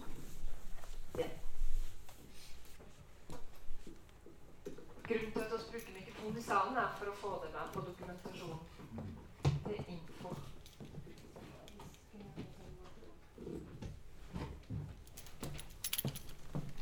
Hei, tusen takk. Eh, altså, eh, jeg Bagdad-universitetet i, Legg eh, i begynnelsen av 90-tallet. Eh, da hadde vi altså jeg selvfølgelig jeg visste ikke når jeg har kommet på universitetet i Oslo i 2003, da Siren også var min lærer. Uh, uh, altså, jeg visste ikke hvordan altså, universitetet har disse tingene. Altså, på universitetet i Bagdad, eller sorry, jeg tror hele Midtøsten er sånn, at vi har 50-50. Altså 50% på bachelornivå, 50% vi har eh, eh, praksis, og så 50% har vi teori. Men det er jo veldig mye ulemper og fordeler i disse eh, at det er 50-50, at i bachelornivå at man må ha begge disse to. Så kanskje jeg kommer med en artikkel senere om både fordeler og ulemper i dette, fordi dette går, som Tore har sagt, at, Tore har sagt at uh, i alle disse årene vi har lovet å skrive, skrive uh, norske, Norges teaterhistorie, så har de ikke gjort det. Eller også, eh, når Knut også har snakket om det, det, jo, det går jo ting her Altså noe mot hverandre og noe parallelt og sånne ting. Men så, etter min erfaring, som jeg har lært eh, eh, å, å, å studere som startet 50-50, så det var egentlig ikke veldig man kan, Når man har gjort praksiser, så det er litt vanskelig etter min erfaring er det litt vanskelig å bli teoretiker, altså å være teatervitenskap når du er en scenekunstner. Så dette er litt erfaring jeg har strevet med, og hvordan man skal skrive en god, godt teoretisk eh, Altså i, i, i teoriområdet når du er en teaterpraktikant. Så dette kan jo diskuteres, og så kan vi kanskje senere, jeg håper ikke det blir siste gang vi møtes, så diskuterer vi dette etterpå i ja. Det er en tanke å holde på. Nå tar vi oss en siste eh, kort replikk på dette emnet fra Vigdis, og så eh, går jeg videre etter det. Det er greit. Det er greit? Ok. Da er det sånn at eh, eh, Grunnen til at jeg ønsker å gå litt videre, er jo fordi at vi ser her nå, som egentlig òg eh, Ine eh, oppsummerte veldig greit i sitt, eh, sitt innlegg, er det der med at når vi møtes, så er vi med en gang enige om at eh, oss kan både reindyrke eh, de ulike innfallsvinklene våre og samtidig beholde bredden og anerkjenne hverandre og anerkjenne at sånn som òg kommer fram nå, det som er viktig f.eks. her i Bergen i forhold til den praksisbalansen, eh, har en helt annen viktighet enn en annen vinkel ved en annen institusjon eh, med en annen innfallsvinkel. Men det som kom opp ganske mange ganger eh, under innlegget nå, det var eh, noe Svein Glatsø sa innledningsvis eh, om eh, hvordan oss trenger å forankre oss mer innenfor humaniora, innenfor fakultetet, og det der med å befeste vår posisjon og gjøre oss viktige òg i den retninga.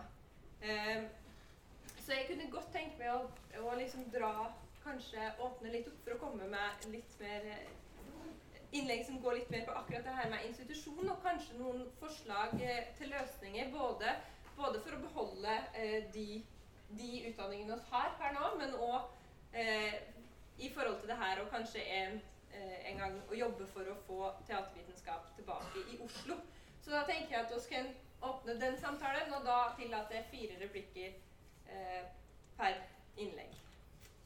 Da var det Tor først, og gjerne bruk mikrofonen. Ja, det viktigste man kan gjøre, er å, å søke posisjon. Uh, har vært så heldig å være forskerleder på, i, på, på LLE i syv år. Og det er helt klart at det å sitte i en sånn posisjon, det gir jo også eh, en betydelig innflytelse. Det vil si at det man sier, blir blir tillagt vekt. Så ja, det man gjør. Svein, sånn som dekan i hvor mange år? I fire år. Det er jo klart at, at det er også en posisjon som er forferdelig viktig å, inneha. Og vi vet jo at Ragnhild skal sitte i eh, fakultetsstyret her i, i Bergen. Og det, det er sånn, de posisjonene vi egentlig må innta og bruke til det beste for far. Jo høyere opp man kommer i systemet, jo større innflytelse får man. Veldig enkelt. Og så har jeg, hvis jeg får lov, jeg har en bitte liten historie. Jeg, på, jeg hadde et prosjekt i Kabul hvor jeg underviste universitetslærerne i fem måler ved åtte år til slutt. Eh, og det de var opptatt av, det var at de måtte lære seg mer teori. Så da underviste altså universitetslærerne i teori, og det var både kvinner og menn. Nesten alle søkerne som var der begynte, var menn. I dag er flertallet kvinner. Og ikke bare det, men når de samarbeider, så sitter de faktisk så nær hverandre. Jeg var der første gang, så satt de på hver sin side av salen og snakket ikke sammen i det hele tatt. Teatervitenskap ser også ut til å ha betydning i Kabul, men her i Bergen forsøkte de å legge det ned. I Oslo har de lagt det ned, men i Kabul der bygger de det opp. Det er helt forferdelig. Eh, Altså det de gjør i Kabul.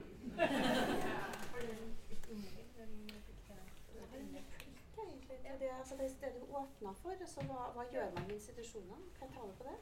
Ja. Med mindre du har en veldig kort direkte replikk til Tor, eller tegner du det for innlegg? Ja. Ja, ok. Da er det Vigdis. Ja, nei, altså hva, hvordan, hvordan får man innflytelse? Altså hvordan får man legitimitet? Det syns jeg er et uh, kjempeviktig spørsmål. Uh, jeg tenker at det som har gjort at vi får fylt opp stillingene våre, eh, er bl.a. at vi fikk etablert en forskergruppe innenfor kunstbasert forskning som synliggjør vår faglige profil gjennom forskning. Og, og vårt fakultet lytter til forskningsresultat. Det kan jeg si. Altså forskning, produkt, praktisk forskningsresultat er en vei faktisk da til makt. Og jeg, dem, dem jeg kjenner litt godt, som har sittet i såkalte posisjoner, opplever jo i stedet for å få legitimitet at den blir spist opp av de tusen praktiske handlingers liv. Sånn at jeg tenker vel fremdeles at å ta det nedenfra og opp er den måten man blir bestandig på. Altså jeg tenker Man må sørge for å få prosjekter som er interessant nok til å få ph.d.-studenter. Og man må sørge for å få utdanna disse ph.d.-studentene, sånn at man får påfyll av nye krefter. For det er den undervisningsmessige og forskningsmessige tyngden som jeg mener faktisk gir oss også den politiske makta. Dette er to måter, ulike måter å se det på, og jeg tror mer på aksjon enn på posisjon. Da er oss eh, forslag både om aksjon og posisjon. Kanskje en kombinerbar eh, eh, størrelse. Skal se, Hadde du en replikk, eller var det et innlegg? En, en replikk. Ja. Skal se, Da kan du ta, få låne mikrofonen først. Gjerne ta den. Så Anna etterpå. Og gjerne introdusere dere. Snella Hall øhm, denne sammenhengen KIO, men jeg er utdannet fra Universitetet i Oslo som teaterviter. Fordi vi er samlet her, altså dette med å få øh, Jeg syns det er en katastrofe at øh, for resten av teatermiljøet eller scenekunstmiljøet i Oslo, ikke minst KIO, at vi ikke har det på universitetet lenger. Altså det er et svært sånn øh, samspill som er borte. Og hvis vi kan bruke dette til å, å kanskje etablere en tenketank eller whatever altså Hvis vi skal ha som mål å få det om ti år, så må vi gjøre et eller annet grunnarbeid. Det hadde vært fint. Jeg bare Ja. sender det ut. Anna.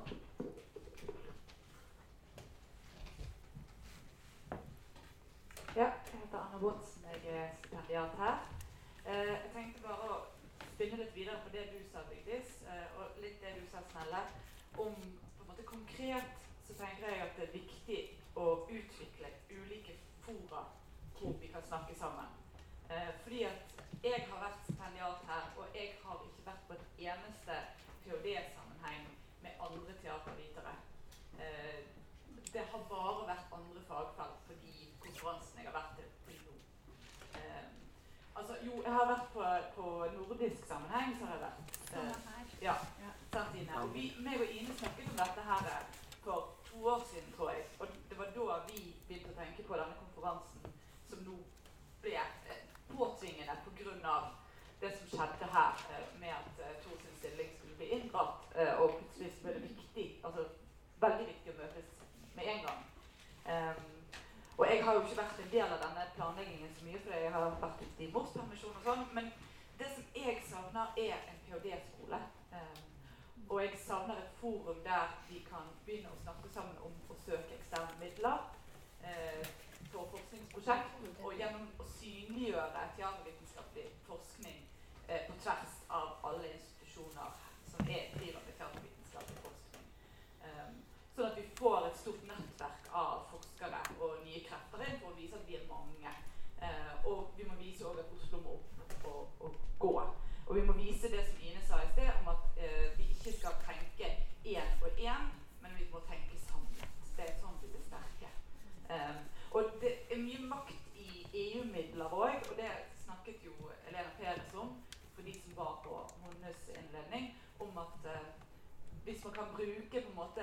De eksterne, de som er overnasjonale i tillegg, til å si eh, at eh, hei, hei, vi er viktig eh, forskningsmessig, så blir det på en måte påtvunget pinlig for de nasjonale institusjonene å ikke ha teatervitenskap ja.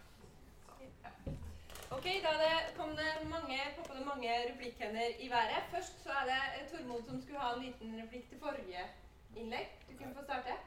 Ja, eh, nå, nå øh, Var det innlegg han ville ha? er det egentlig en eh, sånn Nei, ja, Tormod Karlsen, eh, både i praksis og har jo også en bakgrunn da, som teaterviter. Eh, det var egentlig det, det, det jeg skulle, komme, komme til, det var egentlig litt grann at vi sitter her og har tatt bort en del av tittelen her, som heter teaterhistografi.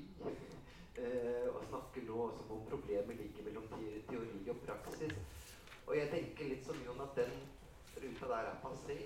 Eh, det er ikke så store problemer mellom teori og praksis lenger i det hele tatt. I hvert fall ikke fra praksissiden, fordi kravet til teori er blitt såpass stort for kunstnere i dag at det, er veldig få som tør å innta en så arrogant holdning som eh, det før eksisterte i norsk teater til teorier. Um, og likeens så tror jeg dere også at teatervitenskapen som sådan har også hatt en mykere tone mot, mot at de var eksklusive i forhold til teori. Så jeg tenker sånn Problemet her det er hvem skal bevare denne her storyen?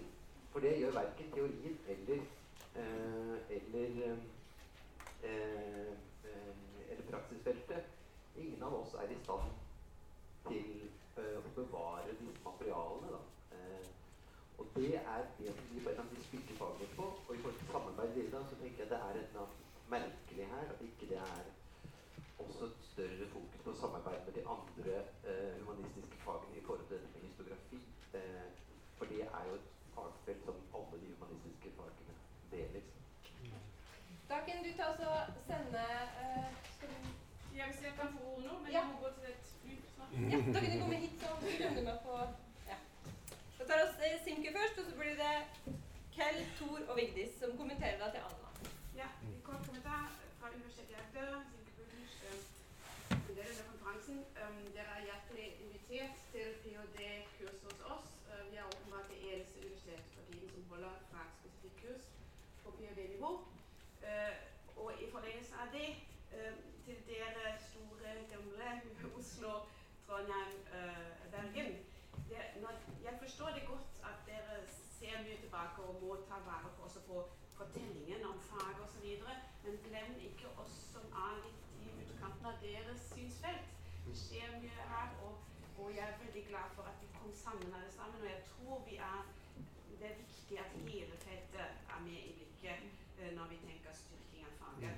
Eh, og, og det er ikke ment som, som en reklame for oss, men av og til så, så ser jeg en tendens til at eh, eh, ja, vi tre snur litt rundt hverandre. Og, og, og det er en historie der også om nye universiteter som er nå fullverdige universiteter, og som, som jeg tror har noe å bidra med. Det var det. Takk. Ha det bra, og takk for alt. Ja. Ok, Ja. eh, da er det flere nye moment som dukker opp eh, underveis. Eh, og kommer til å bevege oss litt nærmere klokka tre, for dere som eh, sitter og følger med på klokka, bare så dere vet det. Men eh, sånn blir det. Eh, nå, er det nå fortsetter oss replikkrekka på Anna. Prøv å holde kort. Da er det Ken, og så Tor, og så Ja. Nej, jeg vil an til det, Anders siger, for det er vigtigt. Det må bli en liten historik, for jeg var med, jeg satt som gissel i, det, i denne SARK-gruppe som forberedte nedleggingen i Oslo. Jeg skjønte ikke, hva det foregikk, det var ingen, som skjønte, hva det foregikk. Eh, men både fra Trondheim, dekanen og instituttlederen, jeg husker ikke, hva de heter fra Trondheim, og oss fra Bergen, vi var veldig positive til samarbejde, og konsentrasjon. Vi la frem masse konstruktive ideer til felles masterprogrammer, til felles PhD-programmer. Nei, men det var så vanskelig fra Oslo. Nei, det var ikke mulig. Det var ikke mulig. Vi skjønte ikke riktig hvorfor det, var så vanskelig. Jo, for de hadde en annen øh, øh, programstruktur. 10 studiepoeng, ikke 15 studiepoeng. Det gjorde det hele så fryktelig vanskelig fra Oslo. ikke sant? Det var først etterpå vi skjønte hva det egentlig lå bak. Liksom. Men, så det er stor vilje, og det finnes også i uh, ikke sant, uh, Association for Nordic Theater Studies, der har det også mange mange, år vært ansat seg til å lage en felles nordisk forskerskole. Problemet er at det har vært så få stipendiater, så det har vært umulig å konstruere en skole bare med to-tre nasjonale stipendiater. Sant? Nå er det kanskje flere, ikke sant? Men, så, men det er riktig, det må lages noen felles for, for og Man kan kanskje tenke felles for master, egentlig. Man kan godt tenke seg at vi har en slags masterutveksling, og man kan også tenke seg absolutt en for felles forskerskole. Det er helt klart. Takk. Tor? Jeg har forskere på, på LLE. Eh, Jeg tok kontakt med eh, alle de nordiske universitetene og spurte om de var villige til å gå med på et samarbeid om å ha en felles ph.d.-skole i teatervitenskap.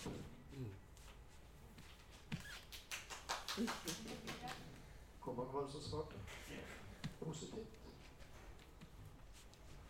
Ja. Mm.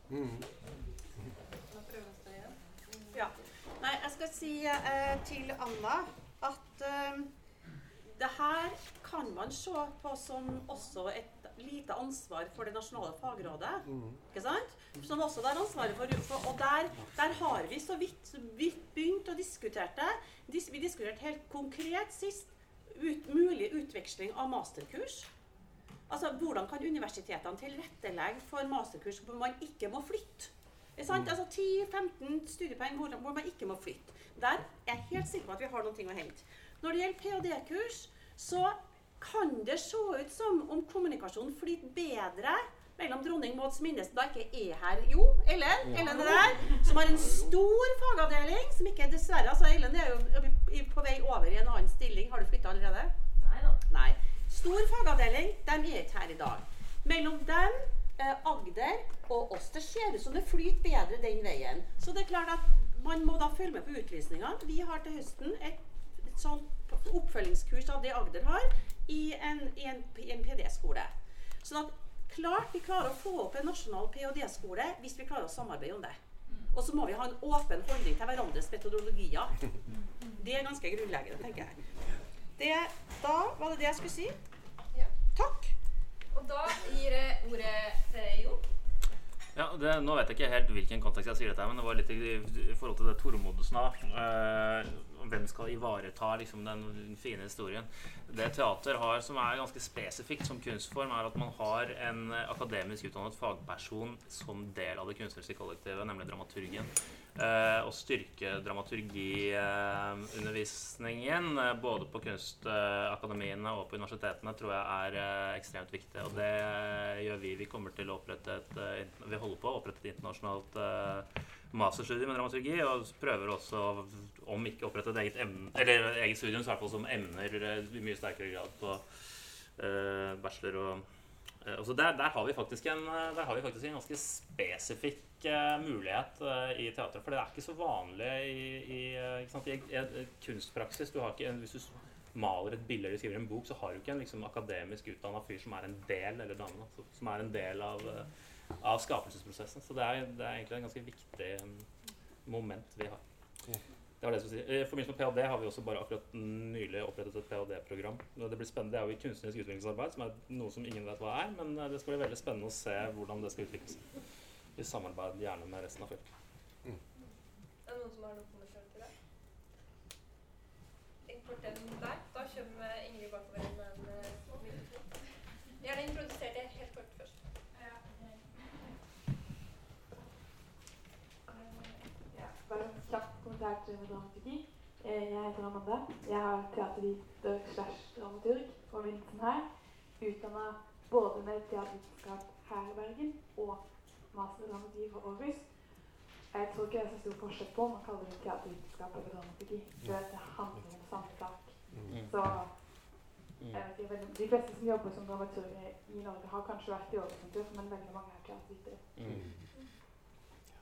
Det er riktig det du sier. Eh, da tenker jeg at vi skal gjøre en liten slags oppsummering av hva som snakka om så langt.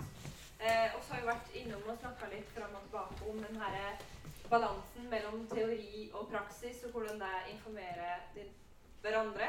Eh, og så kom vi så vidt inn på det her med institusjonen, og hvordan eh, noen små ulike strategier for å posisjonere oss bedre, både, både det det med å eh, produsere bra forskning, og det å kanskje å posisjonere seg. Eh, også gjennom eh, kommentaren til Anna i forhold til ph.d.-løpet, så kom vi òg inn på det her med nett, nettverksbygginga, som av ulike årsaker ikke har fungert, eller har fungert mellom noen institusjoner og ikke andre. Men det er nok sikkert en ganske brei enighet, jeg tolker det sånn, sånn at, at nå eh, med det her Det her er startskuddet. Nå har ballen så vidt begynt å rulle. Eh, og at det handler nå om å jobbe for å få bygge opp de nettverkene, både kanskje eh, på ph.d.-nivå, men òg mellom de ulike instituttene. Og, eh, som Vigdis kommenterte, noen har hatt et samarbeid, men at vi jobber mer på tvers og snakker mer sammen. Og kanskje òg fagrådet vil ha, ha, en sentral plass der. Og det her er òg ting eh, jeg føler at er tanker som vi skal ta med oss videre nå til etterpå. Når vi nettopp begynner å se framover og snakke om de konkrete planene eh, for hvordan vi skal videreføre den dugnaden her. Og egentlig så hadde vi planlagt eh, eh, Ja, du har en liten kommentar til det? Ja. ja, men jeg kan godt ta den av. Jeg vil si at En måte å videreføre den dugnaden på Det, det er kanskje det uh, viktigste innlegget jeg har hørt i dag. Jeg kom fra Resand fra, på Ibsen-senteret. At uh, Ibsen-senteret i Oslo nå holder på å legges ned. Det var helt nytt for meg. Det er jo bare neste Skal ikke redde det òg, da. Mm. Det er ikke det jeg kan mm? Har du info om det? Ja. Da får du mikrofonen og legger på noe. Da blir det det siste å informere om nå. Eh, også det har gått rykte i, eh, i år. Eh, at Ibsen-senteret skal legges ned. Så jeg er gjesteforsker der. Eh, så um, i mai uh, vi visste at det er uh, universitetets Hva heter det? Um, sekretariatet har med rektor og, og, og hele ledelsen, styret, har et møte om oss. og så vi, vi, gikk inn alle, alle som var på Ibsen-senteret, vi, bare gikk inn for å høre om oss. Hvorfor eh, vil de legge ned Ibsen-senteret? Så selvfølgelig, vi, vi, kunne gå dit og sitte, men vi hadde ingen lov å snakke og spørre spørsmål og ingenting. Sånn er det alltid på disse styremøtene. Så det gikk greit. Så han Bugge, når han så også at vi var så mange eh, Han var litt, eh, faktisk litt redd. Han sa uh, så mange. Eh, altså, vi gikk inn, altså, jeg foreslo før møtet startet Jeg sa Eh, kan vi bare hente Jeg skal alene jeg skal hente 50 eh, teaterregissører som elsker Ibsen her i Norge, i Oslo. Skal jeg hente dem for møte, og så skal vi stå utenfor og demonstrere. Så sa de nei, vi, kan, vi skal ikke gjøre sånn. Vi må bare gå inn først og høre hva de sier, og så tar vi andre skritt etterpå. Mm. Så eh, når vi satt oss der og hørte, så han var alene. Han startet. Og så eh, vi har Elin eh, Riis, som har egentlig 100 eh, har stilling på Ibsen-senteret. Og hun er også i styret, men hun fikk ikke lov å kommentere fordi hun var innenfra.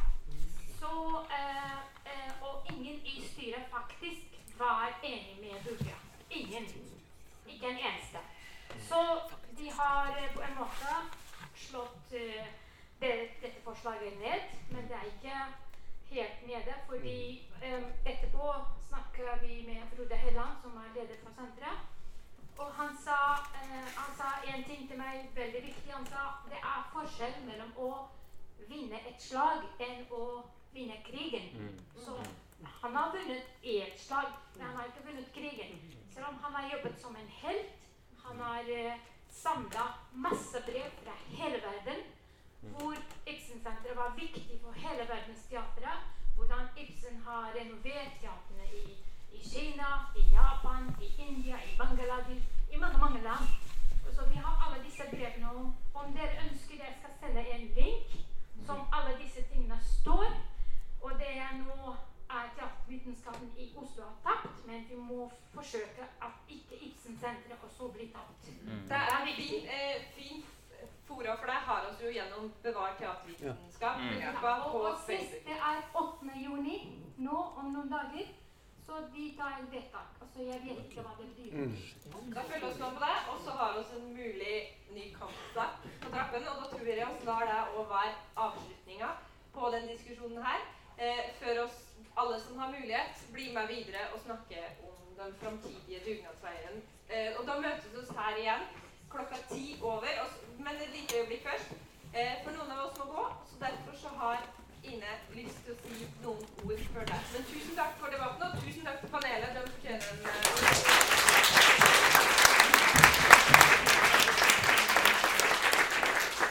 Først av alt er det veldig mange som går nå. Rekk opp hånda hvis dere går nå. Ok, Da vil jeg veldig gjerne.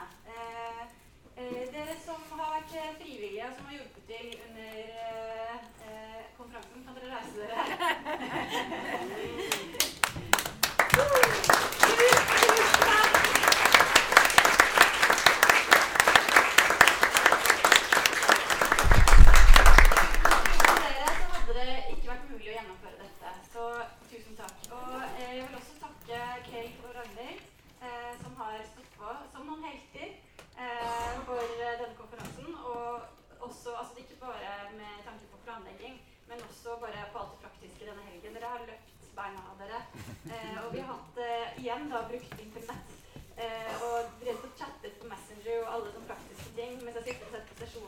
ansiktet sitt, hvordan dere bare fyker rundt og ordner alt.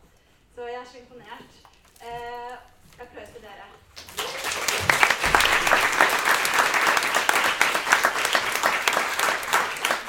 Og, og igjen, eh, Idun Vik og Ingrid Eggestad. Eh, mm.